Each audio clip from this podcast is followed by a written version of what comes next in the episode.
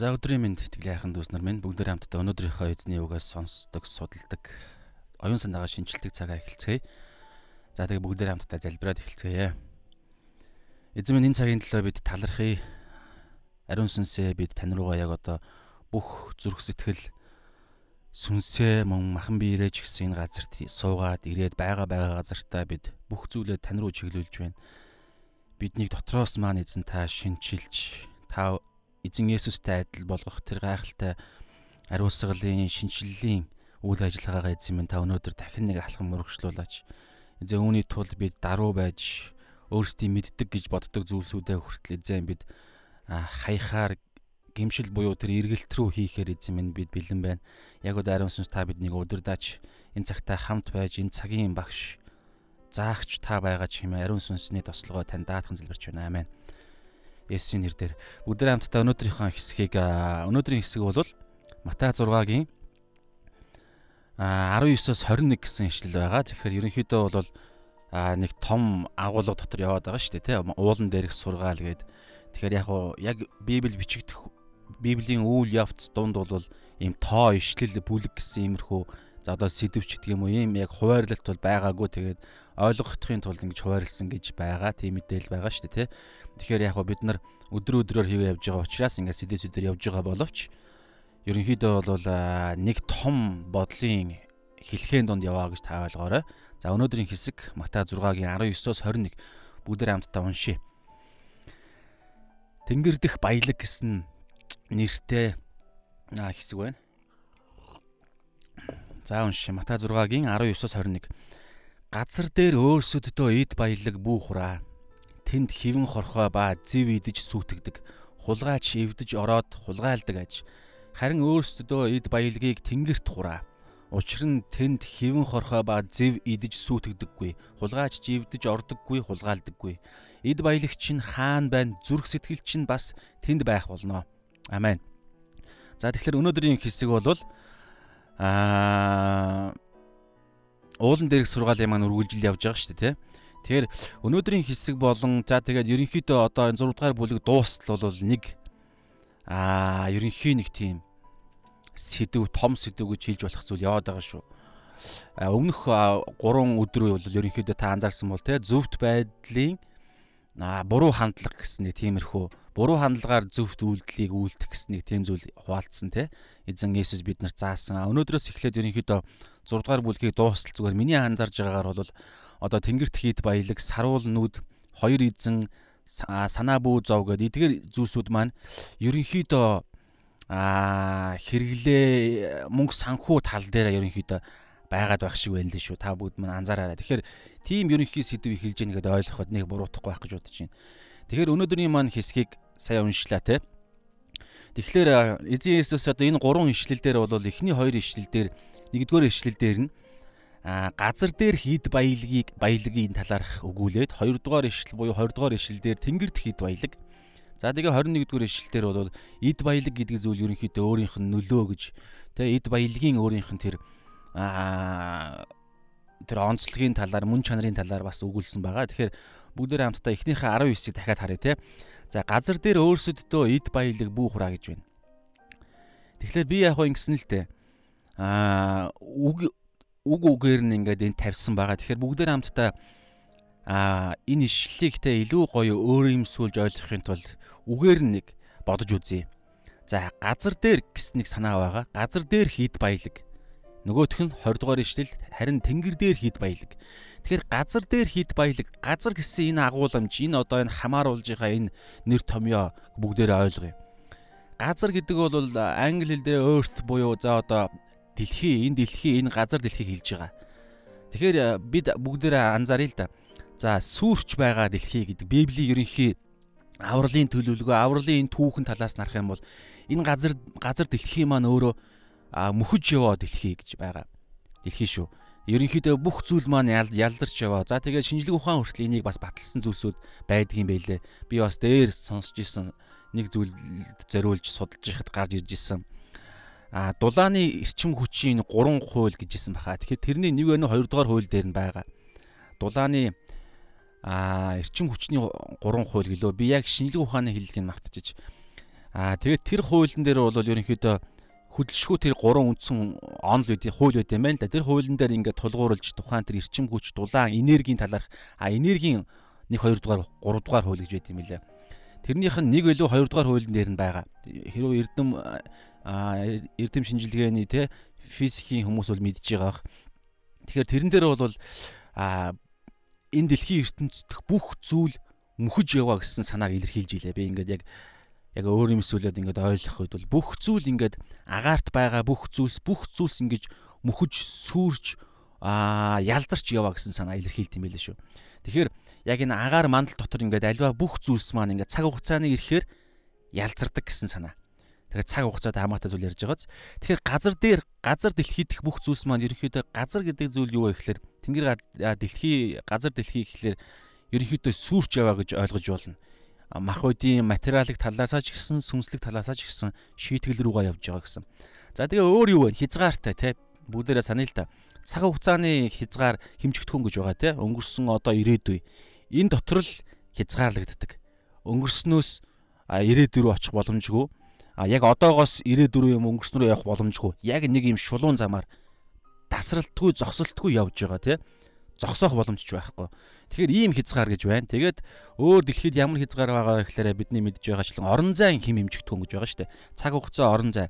Орон зай бол бас адилхан а дөрвөн гурван хэмжигдэхүүн те цаг хугацааны гурван хэмжигдэхүүн, орон зайн гурван хэмжигдэхүүн. Орон зайг нь бол те а уртраг те а одоо юу вэ? Уртраг, өргөрөг, өндөр гэсэн ийм гурван хэмжигдэхүүн байгаа.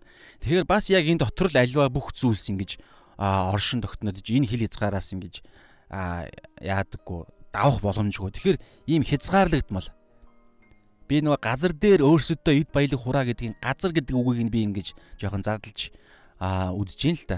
За тэгэнгүүтлээ газар гэдэг чи өөрөө бидний харьяалал биш. Тэ? Энэ дэлхий дээр бид ирээд төрсөн нь үнэн, үхэх нь үнэн гэсэн үг байгаа шүү дээ. Энэ үгийг бүх хүмүүс мэдж байгаа. Ямар ч амьд оршигч зүйл энэ зүйлд энэ дүрм журм хуйлд харьяалагдана те.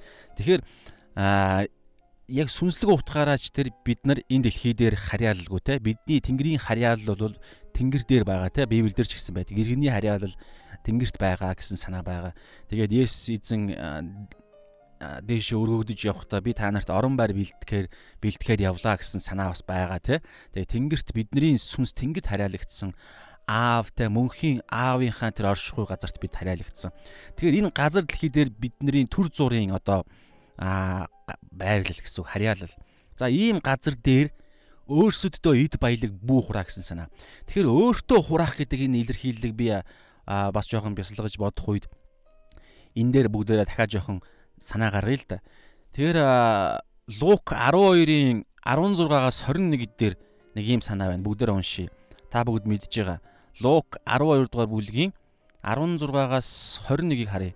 Энд нэг ийм сургаалт зөвлөл а Есүс ярьсан байгаа. За би гяс уншаах юм. Хурс за нэг эхлээд сургаалт зөвлөлөөс өмнөх ямар үйл явдал донд энэ сургаалт зөвлөл хэлэгдсэнийг бүгдээр харъя. Тэгээд цааш нь уншия. Хурсан олны дотроос нэгэн хүн түүнд Есүст Есүст багшаа надтай гэр бүлийнхээ өвийг хуваалцгаж ахад минь хилээч гэхэд харин тэр хүнгүй хин чин намайг та нарын шүүгч өв хуваагчаар томилчихдаг билээ гэв. Тэгээд тэр тэдэнд алив шунлаас өөрсдөө хамгаал болгоомжил хин нэгний ам өмч хөрөнгөнийх нь хангалуунаас хамаардаггүй гэв. Тэр тэдэнд сургаал зүүрлэлээр ингэж ярьлаа нэгэн баян хүн нэгэн баян хүний газар нь маш үржил шимтэй байжээ. Тэр хүн ургацаа хадгалах байр савгүй тул одоо би яадаг вүлээ гэж эргцүүлээд миний хийх зүйл гэвэл амбааруудаа буулгаад илүү том амбаарууд барья. Тэндээ би хамаг үр тариа эд хөрөнгөө хадгална. Тэгээд би амхандаа аминдаа гэсэн үг. Амхандаа ам гол минь чамд олон жилийн турш хэрэглэх хөрөнгө байна. Өөрийгөө амраа, ид уу, зугаац гэж хэлэндэ гэсэнд харин бурхан тэр түүнд мунхаг чи яг энэ шүн мунхаг чи яг энэ шүн амчин чамаас нэхэгдэх болно. Тэгвэл чиний бэлтгэснийг хэн эзэмших вэ гэж айлдлаа. Тэр хүн өөрийнхөө төлөө идэх баялагийг хураадагч бурханд үл бялхдаг болоо гэж байна. Амен. За энэ хэсэг дээр ингээд ерөнхийдөө анзаарах юм бол те аа түрүү хэлсэн шүү дээ өөртөө хураах гэсэн одоо энэ матай дээр ингэж байна те газар дээр гэсэн газар дээр өөрсөддөө эд баялагийг хураа гэдэг. Тэгэхээр өөртөө өөрсөддөө буюу өөртөө гэсэн нэг юм илэрхийл байгаа. Хураах гэсэн юм илэрхийл байгаа байхгүй. Тэгэхээр өөртөө хураах гэдэг эндээс бол ерөнхийдөө саяны ишл багц ишлэл сургаал зөвлөлөөс бас хилэгдэж байгаа шунал гэдэг үг байгаа байхгүй. Хураах гэдэг ойлголт. За өөртөө мэдээж. За өөртөө гэдэг дээр ихэхээс илүүгээр ерөнхийдөө хураах гэсэн санаа эд баялаг ингээ цааш нь хураагаад хадгалаад байх. Өөртөө зориулж, өөрийнхөө хувийн үр хүүхэд ч гэдэг юм уу те. Өөрт нь хамаатай зүйл зориулж ингэж хураагаад байгаа ойлголт байхгүй. Тэгэхээр энэ нь бол энийг Есүс Христ яг ийм ойлголтын дээр юу гэж хэлж байгаа вэ гэхээр сая Луг 12-ийн 16-аас 21 дээр шунлаас та бүгд сэрэмжтэй бай гэж хэлж байгааз. Шунлаас. Тэ. Алив алив гэж байгаа байхгүй. Алив төрлийн шунлаас өөрсдийгөө хамгаал болгоомжил. Яагаад вэ гэхлээр хараа бодох үед надад ийм бодол орж иж байгаа. Шунал гэдэг зүйл биш үү те. Биднийг аа бидний ингэж нүдийг маань одоо халахалдаг яг юу нь үн цэнтэй, юу нь чухал аа яг ямар хэмжээнд чухалч гэдэг юм уу те амьдралын аль нь үн цэнтэй вэ гэдгээс шунал биднийг аа холдуулдаг одоо ингээл мөнгөний ойноос явсаар байгаа сүулдэ тэгээд одоо хань ижлээсээ салтсан ч юм уу те хит хит хит ажил алив төрлийн шунал гэж байгаа шүү. Бас нэг талын ажил төрөлдөө улаарахч орж магадгүй. Алив төрлийн шунал ингэж явах үед амьдралын жинхэнэ үн цэнтэй зүйлээ бид нар орхигдуулах тэрийнхаа үн цэнийг харж харахаа болж эхэлдэг. Яагаад тэгэхээр тухайн нэг хойноос нь хөөж хураах гэдэг зүйл маань зүйл дотор хамаг а одоо энэ дээр байгаа шүү дээ эд баялагын тэр зүрх сэтгэл оюун санаа бүх юмаа бүх юмаа зориулж байгаа учраас тухайн зүйл яг миний хувьд бүх зүйл болчихж байгаа байхгүй. Тэгэхээр энэ зүйл маань ингэж биднийг а сохолдог тэгээд жинхэнэ үн цэнийг бид нарыг биднээс үн цэнийг маань биднээс холдуулдаг. Тэгэхээр а энэ хүнийг ингээ анзаарах юм бол те түрүүний луг 12 дээр 12-ийн 16-аас 21 дээр байсанчлан те ингэж хэлж байгаа юм ам голдоо буюу өөрийнхөө аминдаа өөрөө сэтгэлдээ зүрхэндээ сүнсэндээ ингэж хэлж байгаа. За одоос та хангалттай эд хөрөнгө хураачлаа. Одоо би ингээд үлдсэн насаа ингээд аз жаргалтай идэж уу зугаад цэнгэж цэнгэж амьдрнаа гэд өөрөө шийдэж байгааз те. Одоо эндээс хараа өөрийнхөө амийг бодож нэгдүгээр хоёрдугаарт өөрөө өөр амьдралынхаа эзэн гэсэн нэг тийм өөрт нэг тийм итгэл үнэмшил байгаад байгаа байхгүй саяны баян хүнд бол мөнгө байхад Одоо энэ дэлхий дээр бол хаан одоо хамгийн том бусдад тэг хамгийн том хүчтэй зүйл бол ерөнхийдөө бол мөнгө гэж ярьж байгаа шүү дээ тий. Мөнгө байхад бүх зүйл болно гэсэн санаа. Тэгэхээр тэр мөнгийн хамгийн том хүчийг эзэмшсэн учраас одоо би энэ дэлхий дээр амьдралынхаа эзэн болчлоо. Би одоо бол яаж бол яаж амьдрна би хүссэн зүйлээ хийн гэсэн нэг юм эзэн байгаад байгаа зү. Хувь тавилангийнхаа эзэн, амьдралынхаа эзэн гэсэн. Тэгээ амиа бодож байгаа мэдээж энэ үед Есүс бурхан энэ ишлэлд сургаал зөвлөлдөр бурхан юу гэж хэлж байна гэхээр мунхагчи яг энэ шин энэ шүн амчин чамаас нэхэгдэх болно. Эндээс хараа би амьдралынхаа эзэн энэ ам бол миний ам энэ хөрөнгө бол миний хөрөнгө энэ хувь тавилан цаг хугацаа бол надад өгөгдсөн цаг хугацаа бол миний цаг хугацаа ч гэдэг юм уу. Гэтэл хүн юу юуг ойлгохгүй байна вэ гэхлээр нөгөө шунал нөгөө нэг өөртөө алив төрлийн шунал буюу өөртөө тэр эд хөрөнгө газар дээр хураагаад байгаа тэр сэтгэл чинь бид нарыг шунал болгоо тэгээд ингээд сохолж байгаа байхгүй юу? Ямар үннээс бид нарыг ингэж хааж сохолж байгаа вэ гэхлээр бид амьдралыг удирдах боломжгүй. Цаг хугацааг бид удирдах боломжгүй. Нөгөө ихэнд ярьсан газар дэлхийн тэр хязгаарлагдмал байдал. Цаг хугацааны 3 эмчигтгүүн орон зайн 3 эмчигтгүүн байгаа дээ. Тэгэхээр энэ химжигтгүүн дотор явж байгаа. Тэгээд бас энэ дэлхийн ертөнд чинь сүрж яваа нөгөө нэгүслийн удаашрал гэсэн нэг тийм ойлголт ер нь байгаа. Теологд ч юм уу те ихтгэлд байгаа. Тэгэхээр бидний энэ дэлхий дээр амьдарж байгаа гол зорилго чинь бол энд амьдарч те мөнхөд амьдрах гэр орон байраа болох болгох биш. Нэг асуудлыг шийдэх гээд байгаа байхгүй.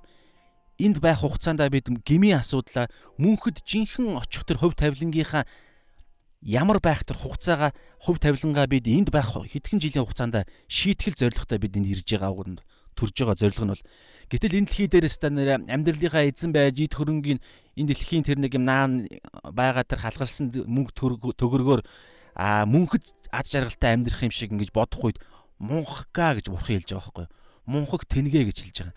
Ягаад гэхээр ертөнцийн суураас л Бурхан үргэлж өөрийгөө илчилсэн, ирчилсэн, үргэлж энэ дэлхийн ертөнцийн бузар мууг ялдарж явааг шийтгэл рүүгээ явж байгааг үргэлж Библиэлд хэдэн мянган жилийн өмнөөс хэлсээр л байсан. Хүн хүн төрлөختөнд орилсоор л байсан. Өнөөдөр гэсэн Монголын нийгэмд ч гэсэн сүм чуулган сайн мэдээ тараагч нар тодорхой хэмжээнд байсаар л байгаа зү бүх хүмүүс Есүсийн талаар мэднэ. Бүх хүмүүс баг сайн мэдээг сонссон байх. Гэхдээ хэрэг цэвэр сонс сайн мэдээг сонссон сайн мэдэхгүй байна. Тэгэхээр энэ дунд чинь хараа мунхаг байгаад байгаа байхгүй хүмүүс. Мунхага энэ дэлхийн ертөнц хаашаа эргэж байгааг, амь нас чинь хаашаа явж байгааг, амь нас чинь нас нас чинь өдөр хоног чинь дээшээ явах биш ухарж байгааг та нар ойлгохгүй байна уу? Аль эзэн тогтцоогдсон наснаасаа та нарын нас чинь ухарж явна. Жишээ 80 жил амьдрах байлаа гэхэд 1 жилийн дараа 79 болж байгаа. 2 жилийн дараа 78 болж байгаа. 50 жилийн дараа 80 байсан бол 30 болж гин. Тэгээд 30 жилийн дараа 0 болоод үхээ дууснаа. Ийм үнэн энэ дэлхий дээр байна. Газрын газар дээр эд хөрөнгө хураана гэдэг байгаа тэр газар гэдэг ойлголт чинь ийм ойлголт байгаа байхгүй. Тэгэхээр ийм байдал донд энэ тэр шунал наан байгаа жижигхэн энэ дэлхийн нэг юм хүмүүсийг хуураад байгаа эд хөрөнгө те энэ нэг зүйл чинь ингээд хүн зөвхөн тэрийг хараад ирэхээр цаана байгаа тэр жинхэнэ үннийг харж чадахгүй болчихж байгаа байхгүй. Гэтэл бид нар шүү дээ. Төрсөн нь үнэн, үхэх нь үнэн гэдгийг хүн болгон мэдж байгаа. Тэгсэн мөртлөө үхлийг ярих дурггүй. Яагаад вэ гэхээр үхлийг яриулах яриулахыг дурггүй болгоод байгаа байхгүй. Энэ дэлхийн ертөнцийн бодит байдал гэдэг ойлголт чинь амьдрал дээрээ өөр байдаг байдаг гэдгийг энэ хиллэгүүд чинь тэ аа ян зүрийн ойлголт шинжлэх ухаан ухаан гэдэг эдгээр бүх ойлголт ян зүрийн зүгээр ойлголтууд нь буруу хэрэглэгдэх үедээ биднийг жинхэнэ үннээс холдуулаад байгаа. Тэгэхээр газар дээр эд хөрөнгө хураа гэдэг байгаа энэ санаа бүү хураа гэж байгаа энэ чинь бол энэ газар гэдгээ бид маш сайн ойлгох хэрэгтэй. Энэ чинь энэ газар дэлхий чинь өөрөө ямар үнэн энэ цаана байгаа вэ гэдгийг ойлгож иж бид эд баялагийг хураахгүй байх ёстой байна гэдгээ бид ухаарна гэсэн. Тэгээ дөрөвний хэлж байгаагаар те. Тэгээ өөртөө гэдэг үгийг өөрсөддөө буюу өөртөө гэдгийг яагаад ерөнхийдөө ингээд гаргаж ирж байгаа гэхээр энэ лугтаараа байгаа шүү дээ. Луг түрүүн уншсан жишээн дээр Лук 12-ийн 16-аас 21-ийг бүгдээр уншия. 21 дугаар ишлэлийн.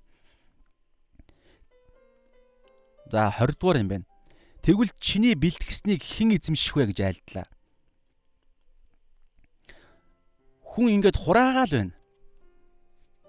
Хурааж ихта шуналдаа хөтлөгдөж энэ өөрийнхөө жижигхэн мунхаг мунхаг шүү. Бурхан хэлж байна. Бурханы хувьд бид бүгд мунхаг байхгүй мунхаг энэ бодолтоо за би өнөөдөр тэнд бас библиэлд ч гэсэн байгаа те маргааш би тэнд очиж тийм юм хийн мэн гэж ярьдаг. Гэтэл маргааш чиний чи амьд байхыг чи мэдх юм уу? Би мэднэ, бурхан мэднэ гэж хэлж байгаа. Уг нь бол цаг яг ном журмаараа бол бүгд өөх ёстой гимтнүүд ч тийм. Гэхдээ бурхны нэгүслээс болж бурхан хүмүүсүүдийн цаг хугацааг сунгаад байгаа байхгүй нөгөө удаашрал гэдэг байгаа чинь тэр ингэж энэ хооронд бурхан тэднийг аврах гад гол зорилго нь бол тэднийг аврах л зорилготой. Гэтэл хүмүүс тэр удаашрлыг зүгээр мөнхийн юм шиг ойлгоод байдаг. Тэгээд өөрсдөө тэр одоо юу гэдгийг а энэ жам ёсоороо энэ амьдрал үргэлжлээд байгаа юм шиг ойлгоод байдаг. Тэгээд дардаа ийм ойлголтын дундаа ийм сохор мунхаг ойлголтын дундаа хүн энэ дэлхий дээр шунлаасаа элдв төрлийн шунал буруу тэр бодлоосоо болж ингэж явж их үедээ юу харахаа болж байгаа гэхээр хизээч үхэл ирж магадгүй гэсэн ойлголт. Цаг хугацаа нь өөрийнх нь нас нь хизээ дуусахыг хүн хинч мэдэхгүй шүү дээ. Гэхдээ ямар ч хүн би маргааш яг үхнэ гэж бододгүй шүү дээ, тэ. Гэтэл энэний цаана юу гэхээр тийм өртлөө тийм эрсдэлтэй 50 50%-ийн ийм аюултай магадлалын тооцоолоор тооны ухаанаар ботсон ч гэсэн 50 50 магадлалтай ийм аюултай энэ а мэдгдэл дунд хүмүүс яаж амьдарч байгаа гэхээр мөнхөд амьдрах юм шиг өнөөдөр гол зүйлийнхээ араас биш шаал хэрэггүй зүйлсийн араас явсаар байх үед тэд нар мөнгө оллоо. За одоо яг мөнгө олоод ингээд дансанд маш их мөнгө байлаа гэж бодъё. Тэгээд гинт нэг зүрхээр хатгаал дороо өхөн штэ. Хүний өхөл хизээч хийж магадгүй. Эсвэл зүгээр л ажил руугаа явж байгаа бол зүгээр сайхан гоё хамт олноороо зугаалгаар явж байгаа бол ганц буруу юм болоход л автын осол орно штэ. Сая хэд хоногийн өмнө баян уушууд амар осол гарсан сурагтай байсан те. Тэдний хинэн ч тэр өдөр а осолд орно магадгүй хідэн хүн өгснгийг нь би мэдээлэл авч чадаагүй. Гэхдээ амар осолдсон байсан. Магадгүй хүн өгсөн баха. А тэгээд ослоор өгч байгаа хүмүүс зөндөө байгаа шүү дээ. Тэдгэр өгсөн хүмүүсийн хинэн ч тэр өдөр өхнө гэж бодоагүй шүү дээ. Насаараа тэд хөдөлмөрлсөн байх. Насаараа тэд ашиг орлогын төлөө тэр шунлынхаа төлөө мөнхөд амьдрах юм шиг яг энэ Лук 12-ийн 16 6-аас 21 дээр байгаачлан амьдралынхаа өөрөө амьдралынхаа эзэн нь мэд амьдралаа зохиож сайхан амьдрын би асар их нийгмийн даатгал мөнгө өгж байгаа настаа хөгшин болохоор маш их тэтгэвэр авандаа маавандаа гэл бөө юм бодоо явж байгаа байхгүй. Ганцхан хормд л осолд ороод өгч шít. Иний цаана ямар аимшигтэй үнэн далдлагцаар байгаа вэ? Сатан энэ дэлхийн ертөнц энэ нийгмийн тогтолцоо жинхэнэ хүний бодох ёстой тэр үннийг ингэж далдалсаар л байна. Өө аюулгүй. Тэгээ үхэл үртэл үхлийн цаана юу ч байхгүй гэдэг хуур хууралтаар. Үхээд цаана нь юу ч байхгүй байна гэдгийг мэдээд ирцэн хүн байгаа юм дэлхий дээр. Байхгүй дээ. Нэг л хүн байсан тэр нь Есүс. 3 хоногийн дараа амьлсан. Тэгээ юу хэллээ? Хүний сүнсний ааврал, шийтгэл тэгээ хоёр хоёр дахь удаага удахгүй эцсийн өдрүүдэд өдрүүдэд ирнэ дээ. Тэгэж ирэхдээ Тэнгэрээс Тэнгэрийн дайчтайгаа Тэнгэрийн тэр тулааны Тэнгэрлэгч нартайгаа Тэнгэрээс бууж ирнэ. Хүн болгон харна Есүсийг харин шашин машинтай энэ гаж урсгал мурсгал янз бүрээр ярьж байгаа хүмүүсүүд бүгд хараад тэр үед бүгд эзэн минь гэж хэлнэ. Тэр үед эзэн минь гэж хэлсэн хүн болгон Тэнгэрийн хаанчлал орохгүй гэж хэлж байгаа. Оройтсон байх болно гэж хэлнэ. Яагаад?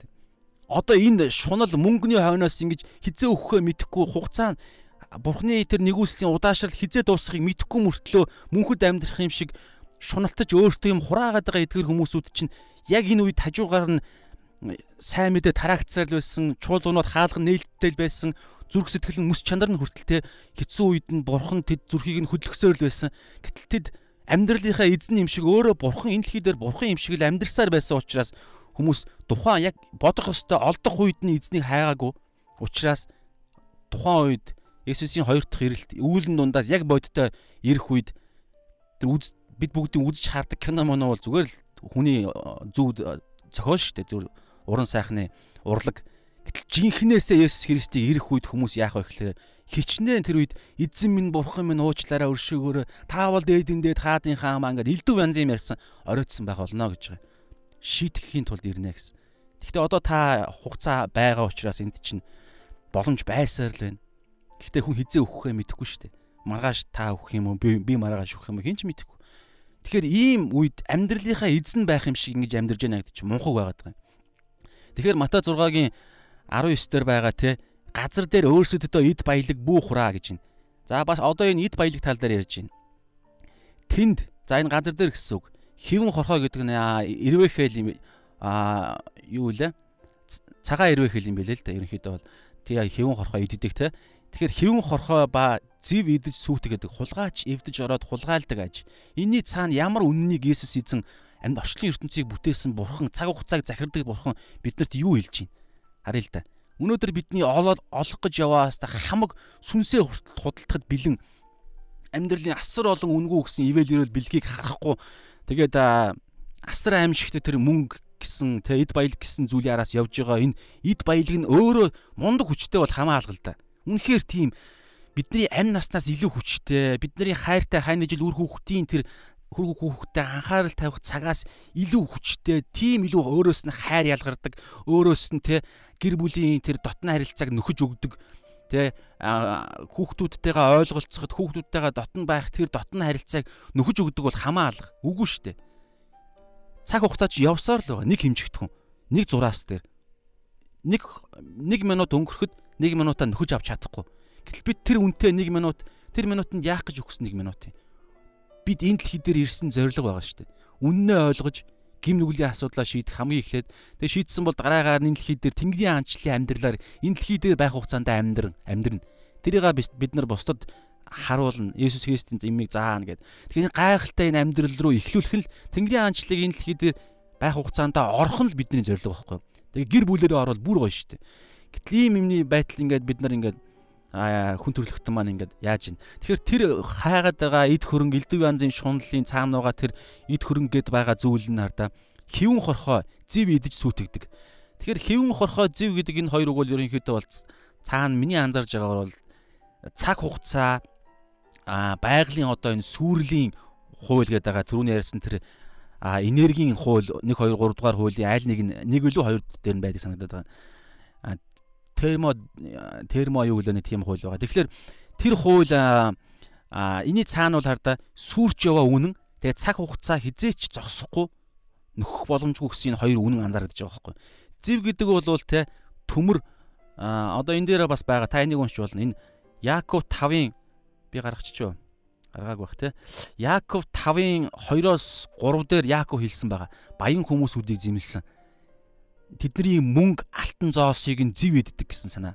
Тэгээд эд хөрөнгө хувцс элдв янзын торг моргыг нь хэвэн хорхоо иддэг гэдэг. Иддэгэ гэж ерөнхийдөө тэгээ баячуудыг зэмлж байгаа талаар хэлж байгаа. Тэгээ итгэгчдийг үргэлжлүүлэн төвчээртэй байх талаар ингэж ярьж байгаа хэсэг байна лээ. Тэгэхээр энэ ардаа зэв гэдэг зүйл чинь тэр зэв гэдэг тэр зүйл чинь өөрөө ингэж төмөр металлыг ингэж цаг хугацааны аясаар иддэг байхгүй. Одоо энэ дээр иддэг гэж байгаа сте. Идэж. Тэгэхээр энэ цаана цаг хугацааны энэ хязгаарлагдмал үнэн цаана сүр сүрч явна. Тэгээ хэвэн горхоо буюу те энэ байгалийн энэ элдв янзын хор уршиг те тэр сүрэл ингэж бас идэж явна. Тэгээ дээр нь нэмээд хулгаач ивдэж ороод хулгaalдаг гэж аж ихэр чинь хараа. Бидний тэр эд хөрөнгө маань сүулдэ хаана хинд очиж гин Зүгээр л яг жинхэнэ эзэн биш өөр хин нэг авт таарж байгаа байхгүй. Хэрвээ би өхөд л амиа надаас байхгүй болоход л амьд байсан ч гэсэн хулгайч гэдэг зүйл чинь шууд хууль хууль эвдэл сүлдэж сүтгэж ороод дээрэм хийгээл бид нарыг аавн. За хулгайч хулгайчинд өртөхгүй маань гэхэд өөр юу байж болох вэ? Илдв янзын дампуурлууд байж болно. Эдийн засгийн докторгүй байдал байж болно. Тэгээ долларын ханшны янз бүрийн байдал эсвэл юу ч байж болно. Өвчин зам одоо энэ коронавирус мэрс асар олон зүйл хулгайчуд байгаа энэ гинтийн гинтийн. Тэгэхээр энэ дэлхий дээр чинь аюул энэ дэлхий дээр чинь санамсаргүй байдал аа асар их зүйлсүүд байгаад байгаа байхгүй. Тэгэхээр ийм л хөрөнгөний хойноос бид явахдаа юуг бид нар байхгүй болгож байна. Одоо бүгдээр харъя. Тэгээ цаг хугацаа те бузар муу аа бузар муу хардаа цаг хугацаа бузар муу чинь үнэндээ энэ дэлхийн эзэн байхгүй юу? Эзэн болцсон явж байгаа. Эзэн байна гэсэн. Эзэн. Гэтэл бид өөрсдөө эзэн юм шиг Гэтэл жинхэнэ эзэн нь үхэл тэ элдв янзын гмийн гим хүртэл хүнийг эзэн эзэн нь болцсон хүмүүсүүдийг боолчилж байгаа шүү дээ. Гмийн боолчлол гэж байгаа шүү дээ. Тэгэхээр жинхэнэ эзэн нь бид тухайн тэр мөнгөний ойноос явж байгаа шунал шуналаар явж байгаа тэр нэг юм биш байхгүй юу? Тэрний цаана нь шунал нь хүртэл өөрийнх нь эзэн болцсон явж байгаа. Амьдралын буруу зорилгууд эзэн болцсон байгаа. Авилгал гээ те элдв янзын зүйлсүүд бүх зүйлсүүд цаана эзэн болцсон явж байгаа. Тэгэхээр өөрөө тэгэхээр тийм аимшигтай эзэн боолчлоос гарах гарахын төлөө цаг заваа зориулах хэвээр мөнгөө цаг заваа амьдралаа зориулах хэвээр тий. Тэгээ бусдад энэ идэлгдэл дуусна. Тэгэхээр эд баялаг гэж юу юм? Тэгэхээр энэ дээр байгаа тий эд баялаг бүү хураа гэж байна. Тэгэхээр жинхэнэ эд баялаг биш гэсэн санаа. Бүгдээр номлогчийн үгсийг гаргая. Номлогчийн үгс 5-ын 10 дээр та номлогчийн үгсийг хэн бичсэн бilé? Давидын хүү Соломон бичсэн шүү дээ. Соломон бичсэн Давидын дараагийн хаанчлалд Саул 50 жил хаанчилсан, Соломон 50 жил хаанчил, Давид 50 жил хаанчилсан. Давидын 50 жилийн хаанчлал Израилийн түгэнд хамгийн хөгжил дэвшлэр дүүрэн байсан. Дараагаар нь Соломон хаанчилсан Давид. Соломоны үед ч гэсэн асар гайхалтай тэр зүйл байсан боловч Соломон Соломоны төгсгөл нь асуудалтай байсан. Тэгээ тэндээс эхлээд Соломоны тэр гим нүгэл тэр уралтаас нь эхлээд Соломоны үед биш ч гэсэн дараагийн үеэс нь Израиль хоёр хуваагдж байгаа. Тэгэхээр Соломон ч асар олон их нэртэй, асар их хэд хөрөнгөтэй, асар агуу мэрэгэн ухаантай байсан те. Соломоны мэрэгэн ухаан гэдэг. Тэгэхээр Соломон энийг бичсэн байгаа. Өөрөө асар их хэд хөрөнгөтэй байсан хүн ингэж бичиж байна. Мөнгийг хайрлах номлогчийн өгс 5-ын 10 дугаар ишлэл. Мөнгийг хайрлагч нь мөнгөнд үл ханах ба элбэг дэлбэгийг эрхэмлэгч нь орлогодоо эс цадах. Энэ нь бас л хоосон. Асар их хэд хөрөнгөтэй хүн гэж ярьж байгаа шүү асар их ид хөрөнгө, асар их нэр алдар, асар их хайр сэтгэл, зугаад сэнгэл тэ завхаар завхаар тэр бэлгийн тэр нөгөө нэг хангамж асар их ихнэр 700 татвар ийм 300 ихнэртэй байсан байх шүү. Мянган тэгэхээр мянган ихнэр аа мянган эмэгтэйтэй байсан гэсэн үг. Тэгээд асар их ид хөрөнгөтэй мэрэгэн ухааныг нь бурхан бэлгэлж өгсөн. Тэгэхээр тийм их одоо бидний хүсэж болох хамгийн дээд хязгаарт хүрсэн хүн байхгүй юу? Тийм учраас энд чинь бас Библиэд орж ийн. Тэгэхээр бид нар энэ энэ ойлголтын төлөө явж байгаа гэсэн үг шүү дээ. Хардаа ингэж ярьж шít. Мөнгийг хайрлагч нь мөнгөнд үл ханах. Та мөнгийг хайрлаж болно. Мөнгөний ойноос шуналтаж эд хөрөнгө хурааж болно. Гэхдээ хичнээн их над шиг л биш. Над шиг байсан ч гэсэн гэж ярьж байгаа байхгүй. Соломонд ч асар их эд хөрөнгө байсан. Тэгэхээр мөнгөнд тэгэхээр тийм их мөнгөтэй байсан ч мөнгөнд үл хандаг гэж байгаа байхгүй. Мөнгөнд нь өөрт нь тийм одоо болсон гэсэн ойлголт байхгүй үргэлж шунлыг ингэж яг тийм нэг юм хар тамхи шиг дотроос нь ингэж идсээр л байдаг. Хоосрлыг нь улам хоосруулсаар л байдаг. Тийм учраас Холливуд элдв алдартнууд бүгд хичнээн баялагтай байсан ч гэсэн яг гол зүйл нь байхгүй одууд заримдаа амиа хорлсон тохиолдол байдаг те. Тэгээ хардаа элбэг дэлбэгийг эрхэмлэгч нь орлогодоо эс цадах. Тэгээ энэ нь бас л хоосон гэж байгаа сте. Хоосрлын талаарх. Тэгэхээр энэ дэлхийн эд баялаг гэдэг бол жинхэнэ эд баялаг биш. Тэгээ сүнслэг хоосрлыг хизээж хангаж чаддаггүй. Харин ч сүнсийг улам хоосруулдаг. Яагаад гэж сүнс чинь дотроосоо бүр ингэж улам тарчилж байгаа байхгүй юу? үхэх гээд байгаа. Тэгээ тэр хоосролт нь улам дүүрнэ. Энэ дэлхий дээр бид сүнслэг тэр хэрэгцээнийхээ төлөө явахгүй энэ дэлхий дээр тэр одоо энэ энэ дэлхийн тэр бусдыг ингэж иддэг те а энэ сүрсэн ертөнцийн энэ эд баялагын араас явахынхаа хэрээр хүний дотоод сүнс нь сүнс ярьж байгаа шүү сэтгэл яриаг дотоод сүнс нь улам мэлүүгээр ингэж хоосорно. Тэгээд тийм учраас эд баялаг алдар нэртэй хүмүүс эцтэй сүнс нь бүр үхлийнхэн тэр эцсийн мяндсан тасрах үедээ хүмүүс амиа орлож шít. Найдваргүй болоод энд амьдрал дээр өөр ямар ч сайн сайхан алга. Энэ амьдрал дээр өөр ямар ч зориг алга. Ингээл болоо. Би хасар гид хөрөнгөтэй боллоо. Асар ихтэй хайн нэр хүндтэй боллоо. Хань жилмаанч байна. Гэхдээ энэ дотор байгаа нэг тийм мэдрэмж байгаад байгаа байхгүй. Тэр зүйл найдваргүй болох үед хариултаа олохгүй үед хүмүүс амиа орлоод дуусж байгаа зүйлсүүд байна. Гэхдээ тэр дунд ч өөр олон зүйлс байгаа л да элдв янзын нөлөө байгаа. Тэгэхээр одоо бүгдээр 20 дугаар ишлэгийг харъя. Харин гэдээс Христ одоо бид нар хүн төрлөختөнд өгж байгаа найдвар өөр нэг тийм давуу байдлыг хэлж байна. Харин өөрсөддөө эд баялагийг тэнгэрт хураа гэж байна. Учир нь тэнд хэвэн хорхоо ба зэв идэж сүйтгэдэггүй, хулгайч эвдэж ордоггүй, хулгаалдаггүй. За ин тэгэхээр яг одоо эхний хаан тэр энэ тэнгэр дээр байгаа газар дээр эд баялагийн тэр сөрөг талын а зүйлсүүдийг хэлсэн шүү дээ. Тэр хэвэн хорхой иддэг те хэвэн хорхой зэв иддэг хулгай хулгайчд хулгайлуулдаг гэсэн санаа. Тэнгэрийн хаанчлал одоо бүгдээр харъя л та. Тэгэхээр түрүүн яг газрыг ярьсан шиг одоо бүгдээрээ Тэнгэр гэдэг нь ямар ойлголт юм? Библийн Библийн хэллэг нь Тэнгэр Бурхны оршихуй. Эхэнд Бурхан Тэнгэр газрыг бүтээжээ гэдэг Эхлэл номын 1-р ишлэл байгаа шүү дээ. Эхэнд Бурхан Тэнгэр газрыг бүтээжээ. Тэгэхээр Тэнгэр гэдэг тэр үг нь бол а еврей хэл дээрээ англи хэл дээрээ ч гэсэн олон тоон дээр байдаг үг байхгүй юу. Ихэнд бурхан тэнгэрүүд байгаа газрыг гэхдээ тэрийг яг тэнгэрүүд гэж яагаад орчуулахгүй байгаа би сайн ойлгохгүй байгаа юм л та. Гэхдээ би нэг тайлбарлуулсан санагдчихээн. Тэгэхээр нэг тайлбар хэлсэн юм аа. Тэр нь гэхдээ над нэг тийм аа мэдхгүй яг сайн хүрээгүй мартцсныг мартцсан байхыг бодвол. Ямар ч байсан гэсэн тэнгэрүүд байгаа газрыг гэсэн heavens одоо бүгд за хараад яах вэ те? In the beginning God created heavens and the earth гэд. Тэнгэрүүд еврейдэж гэсэн тэнгэрүүд. Тэгэхээр энэний цаана юу байгаа вэ гэхээр ерөнхийдөө эхлээд бурхан тэнгэрлэг тэр сүнслэг тэнгэрлэг орших байгаад байгаа байхгүй.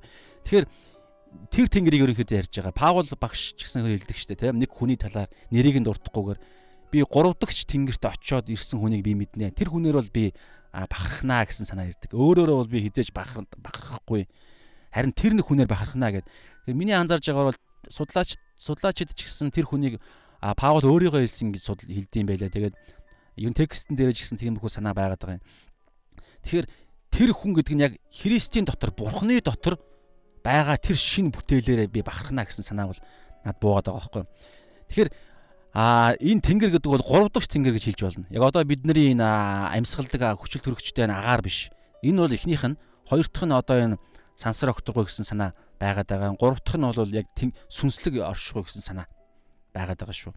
Тэгэхээр бурхны орших газар. Тэгэхээр тэр бурхны орших газрыг ерөнхийдөө хэлж байгаа юм.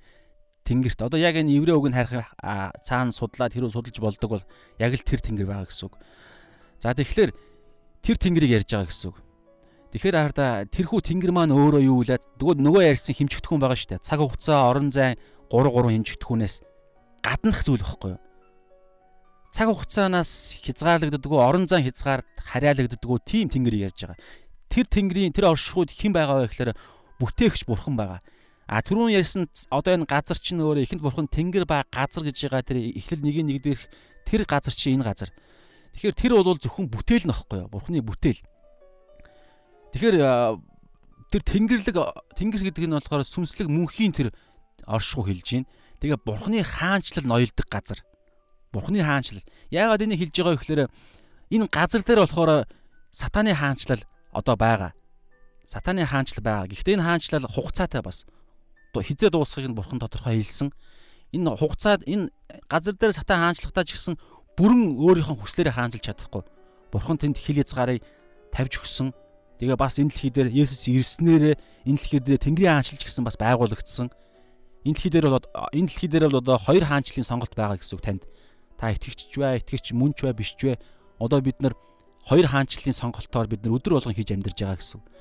Тэгэхээр газар дээр юм байна. Харин Тэнгэрийн хаанчлалд сатаны бузар муу ямар ч оролцоо байхгүй. Тэнд уйлаан гэж байхгүй, үхэл гэж байхгүй, а гачигдал гэж байхгүй, тэ дутуу байдал гэж байхгүй, ганцаардал гэж байхгүй тэнд бүх зүйл төгс байх болно. Бидний ойлгож ойлгох энэ хэмжээр хэмжээрээр хэмжигдэхүүн өгсөн сангаар ярихад төгс гэдэг ганц үг байгаа. Чаашлах юм бол бидний бодохын аргагүй асар гайхалтай зүйлс Тэнгэрийн хаанчлал тэнгэрт байгаа. Тэгэхээр Бурхны хаанчлал гэж ярьж байгаа нь тэр тэнгэрт Бурхны хаанчлал байдаг. Асар гайхалтай бидний ойлгохын аргагүй surprise-ууд тэнд байх болно. Тэгээ бидний жинхэнэ гэр байхгүй юу? Энэ дэлхий бол бидний жинхэнэ гэр биш. Тэгэхээр бид жинхэнэ байх ёстой газартаа бид эд хөрөнгө хураах хэрэгтэй гэсэн санаа Есүс ярьж байгаа. Яг байх ёстой жинхэнэ түрүүний Лук 12 16-гийн 21 дээр юу гэлээ? Эд хөрөнгө асар их хөрөнгө хураасныхаа дараа тэр э, баян хүн яалаа багтахын аргагүй хөрөнгө хөрөнгөтэй болох үедээ ямар арга ухаан сэтсэн бэ гэхээр байгаа амбаараа нураагаад илүү том олон амбаар барья гэдэг тийм л юм ярьж байгааз. Тэгээд барьдаг. Тэгсэн чинь бурхан юу гэж хэлдэг вэ гэхээр а тэгэж хэлэхээс өмнө тэгэж хэлчээ дараа нь юу вэ нөгөө баян чинь За одоо ингээд хангалттай бүх насаараа идэх хөрөнгөтэй болчлоо. Одоо амар, зугаац, нариг гэж хэлдэг. Дотороо боддог. Гэтэл тэр нь амин тэр шөндөө бурхан амийг нь авдаг. Гэтэл одоо бидний Есүс биднэрт хэлж байгаа тэнгэр тэнгэрт идэх хөрөнгө хураа гэж хэлж байгаа нь түрүүний баян хүний оронд ингээд боддоо. Жинхнээсээ бид мөнхийн мөнхөд гэртээ түрүүний хүн шиг за одоо өстой бүх насаараа гэж ярих оронд бид нэр мөнхийн мөнхөд гэж ярина. Тэгээд амар гэд тэнд амарна. Тэнд бид зугаацсан, цингэн хүссэн юм а хийн. Тэнд тэгээ бидний хүсэлчээ өөрөө наан цэвэр болцсон хүсэл яриад байгаа шүү. Одоогийн энэ бузар муу хүсэл биш. Тэгээ тэнд бид нар бидний хүсэл маань мах бодийн дагуух шунал элдв янзын тачаалын дагуух хүсэл тэнд байхгүй. Сүнслэг гайхалтай хүсэл байх болно. Тэгэхээр тийм тийм төрлийн зугаат цингэх юм ярьж байгаа шүү. Бид нар магадгүй ойлгоход хэцүү байх. Тэгэхээр тийм гоё одоо жинхэнэ амар гэдэг шиг мөнхөн өстө очиод одоо жинхэнэ амрыг цуглуулсан эд хөрөнгөөрөө тэнд мөнхөд эдэлж амьдрий гэж ярих байхгүй жинхнээсээ тийм эд хөрөнгө яриад байгаа. Тэгэхээр Есүс тэгж ярьж байна. Харин өөрсөддөө буюу энэ өөрсөддөө гэдэг үг хിവэр байгаа зү. Энэ дээр хардаа өөрсөддөө гэсэн. Энэ дээр ч гэсэн өөрсөддөө. Тэгэхээр яалтчгүй одоо би энэ дээр битсэн. Биччихв хаана бичээгүй юм уу? Эд баялаг хураах. Би энэ дээр битснээ айлгсан юм байна. Хувь хүний эд хөрөнгө байхгүй. Хувьчилсан. Яг надад зориулагдсан эд хөрөнгө. Тэгэхээр ийм гоё гайхалтай шудраг бурхан тэгээд мөнхийн мөнхөд би одоо даа нэг ийм нэг бас хэллэг та сонсч ирсэн бол байгаа. Аа яг тэгээ жинхэнэ одоо иймэрхүү санаа би яг ямар үгээр илэрхийлсэнийг мартчихж аа иймэрхүү санаа байгаа шүү.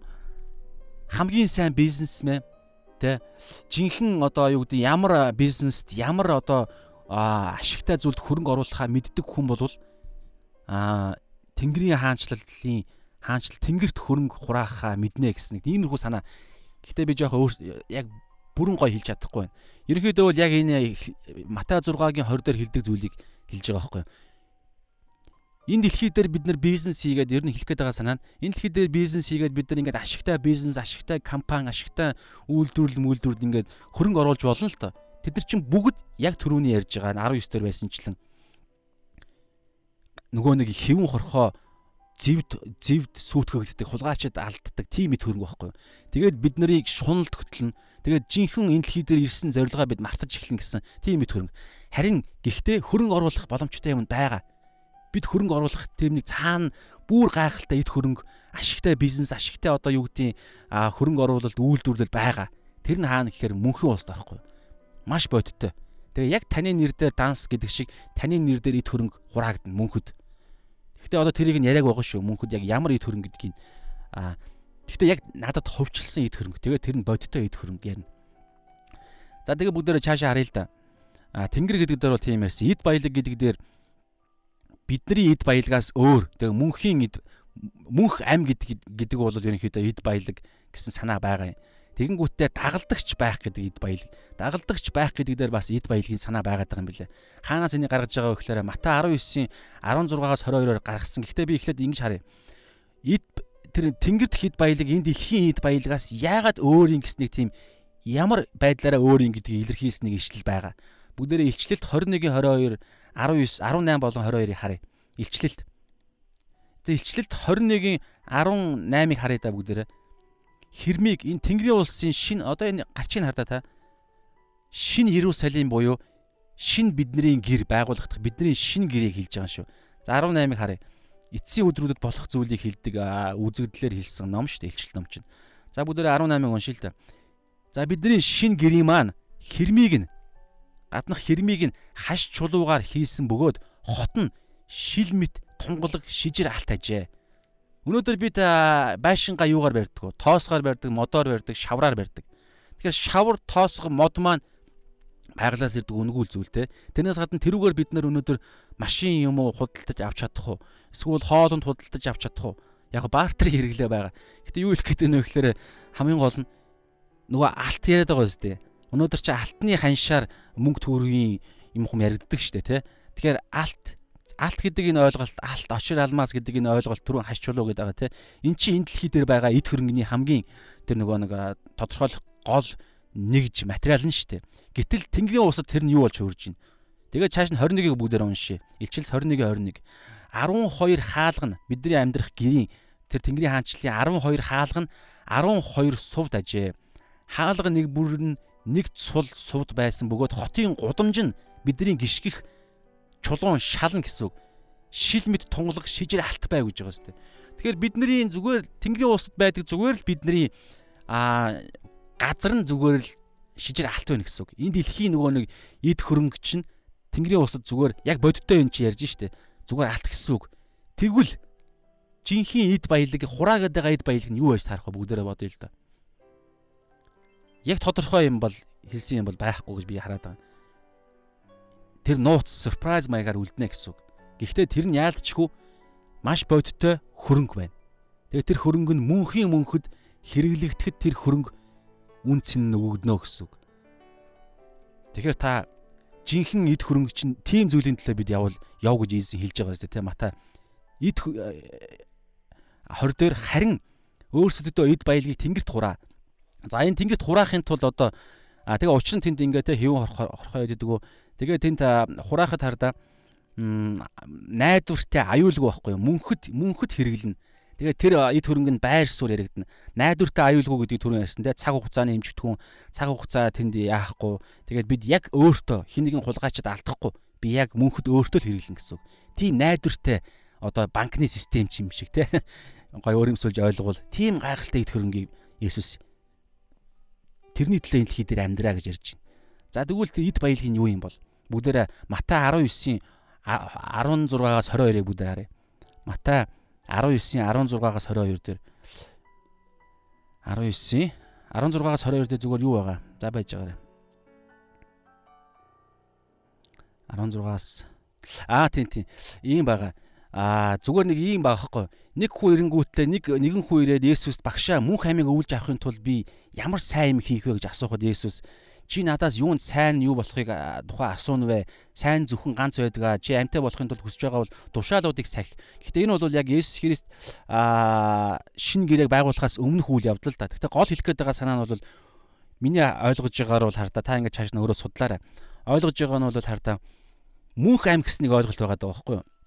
Мөнх ам нь өөрөө аа мөнх ам тэр одоо энэ дээр байгаа яг ингээд мөн хамтаа болохын тулд тим хийгээрээ тушаалуудыг сахиараа гэж байгаа. Тэгсэн чинь дараагаар нөгөө хүн чинь аа энэ бүхнийг би сахисан. Надад өөр юу дутагдж байна вэ гэж байгаа. Тэгсэн чинь Есүс сарда чи төгс байхыг хүсэж байвал явж хөрөнгөө ядуустаг. Тэгвэл чи тэнгэрт эрдэнэстэй болноо. Хөрөнгөө ядуустаг гэж байгааз. Энэ дэлхийдээ цуглуулсан эд баялгаа ядуустаг. Тэгэх юм бол тэнгэрт эд баялагтай болно гэж хэлж байна. Тэгээд ирж намайг даг гэж байгаа сте өөрийг нь хүлээд байгаа өөрийг нь эд баялагтай болоход саад болж байгаа тэр зүрхийг нь эзэмдэж байгаа зүйлийг байхгүй болгоод тэгээд намайг даг гэсэн санаа.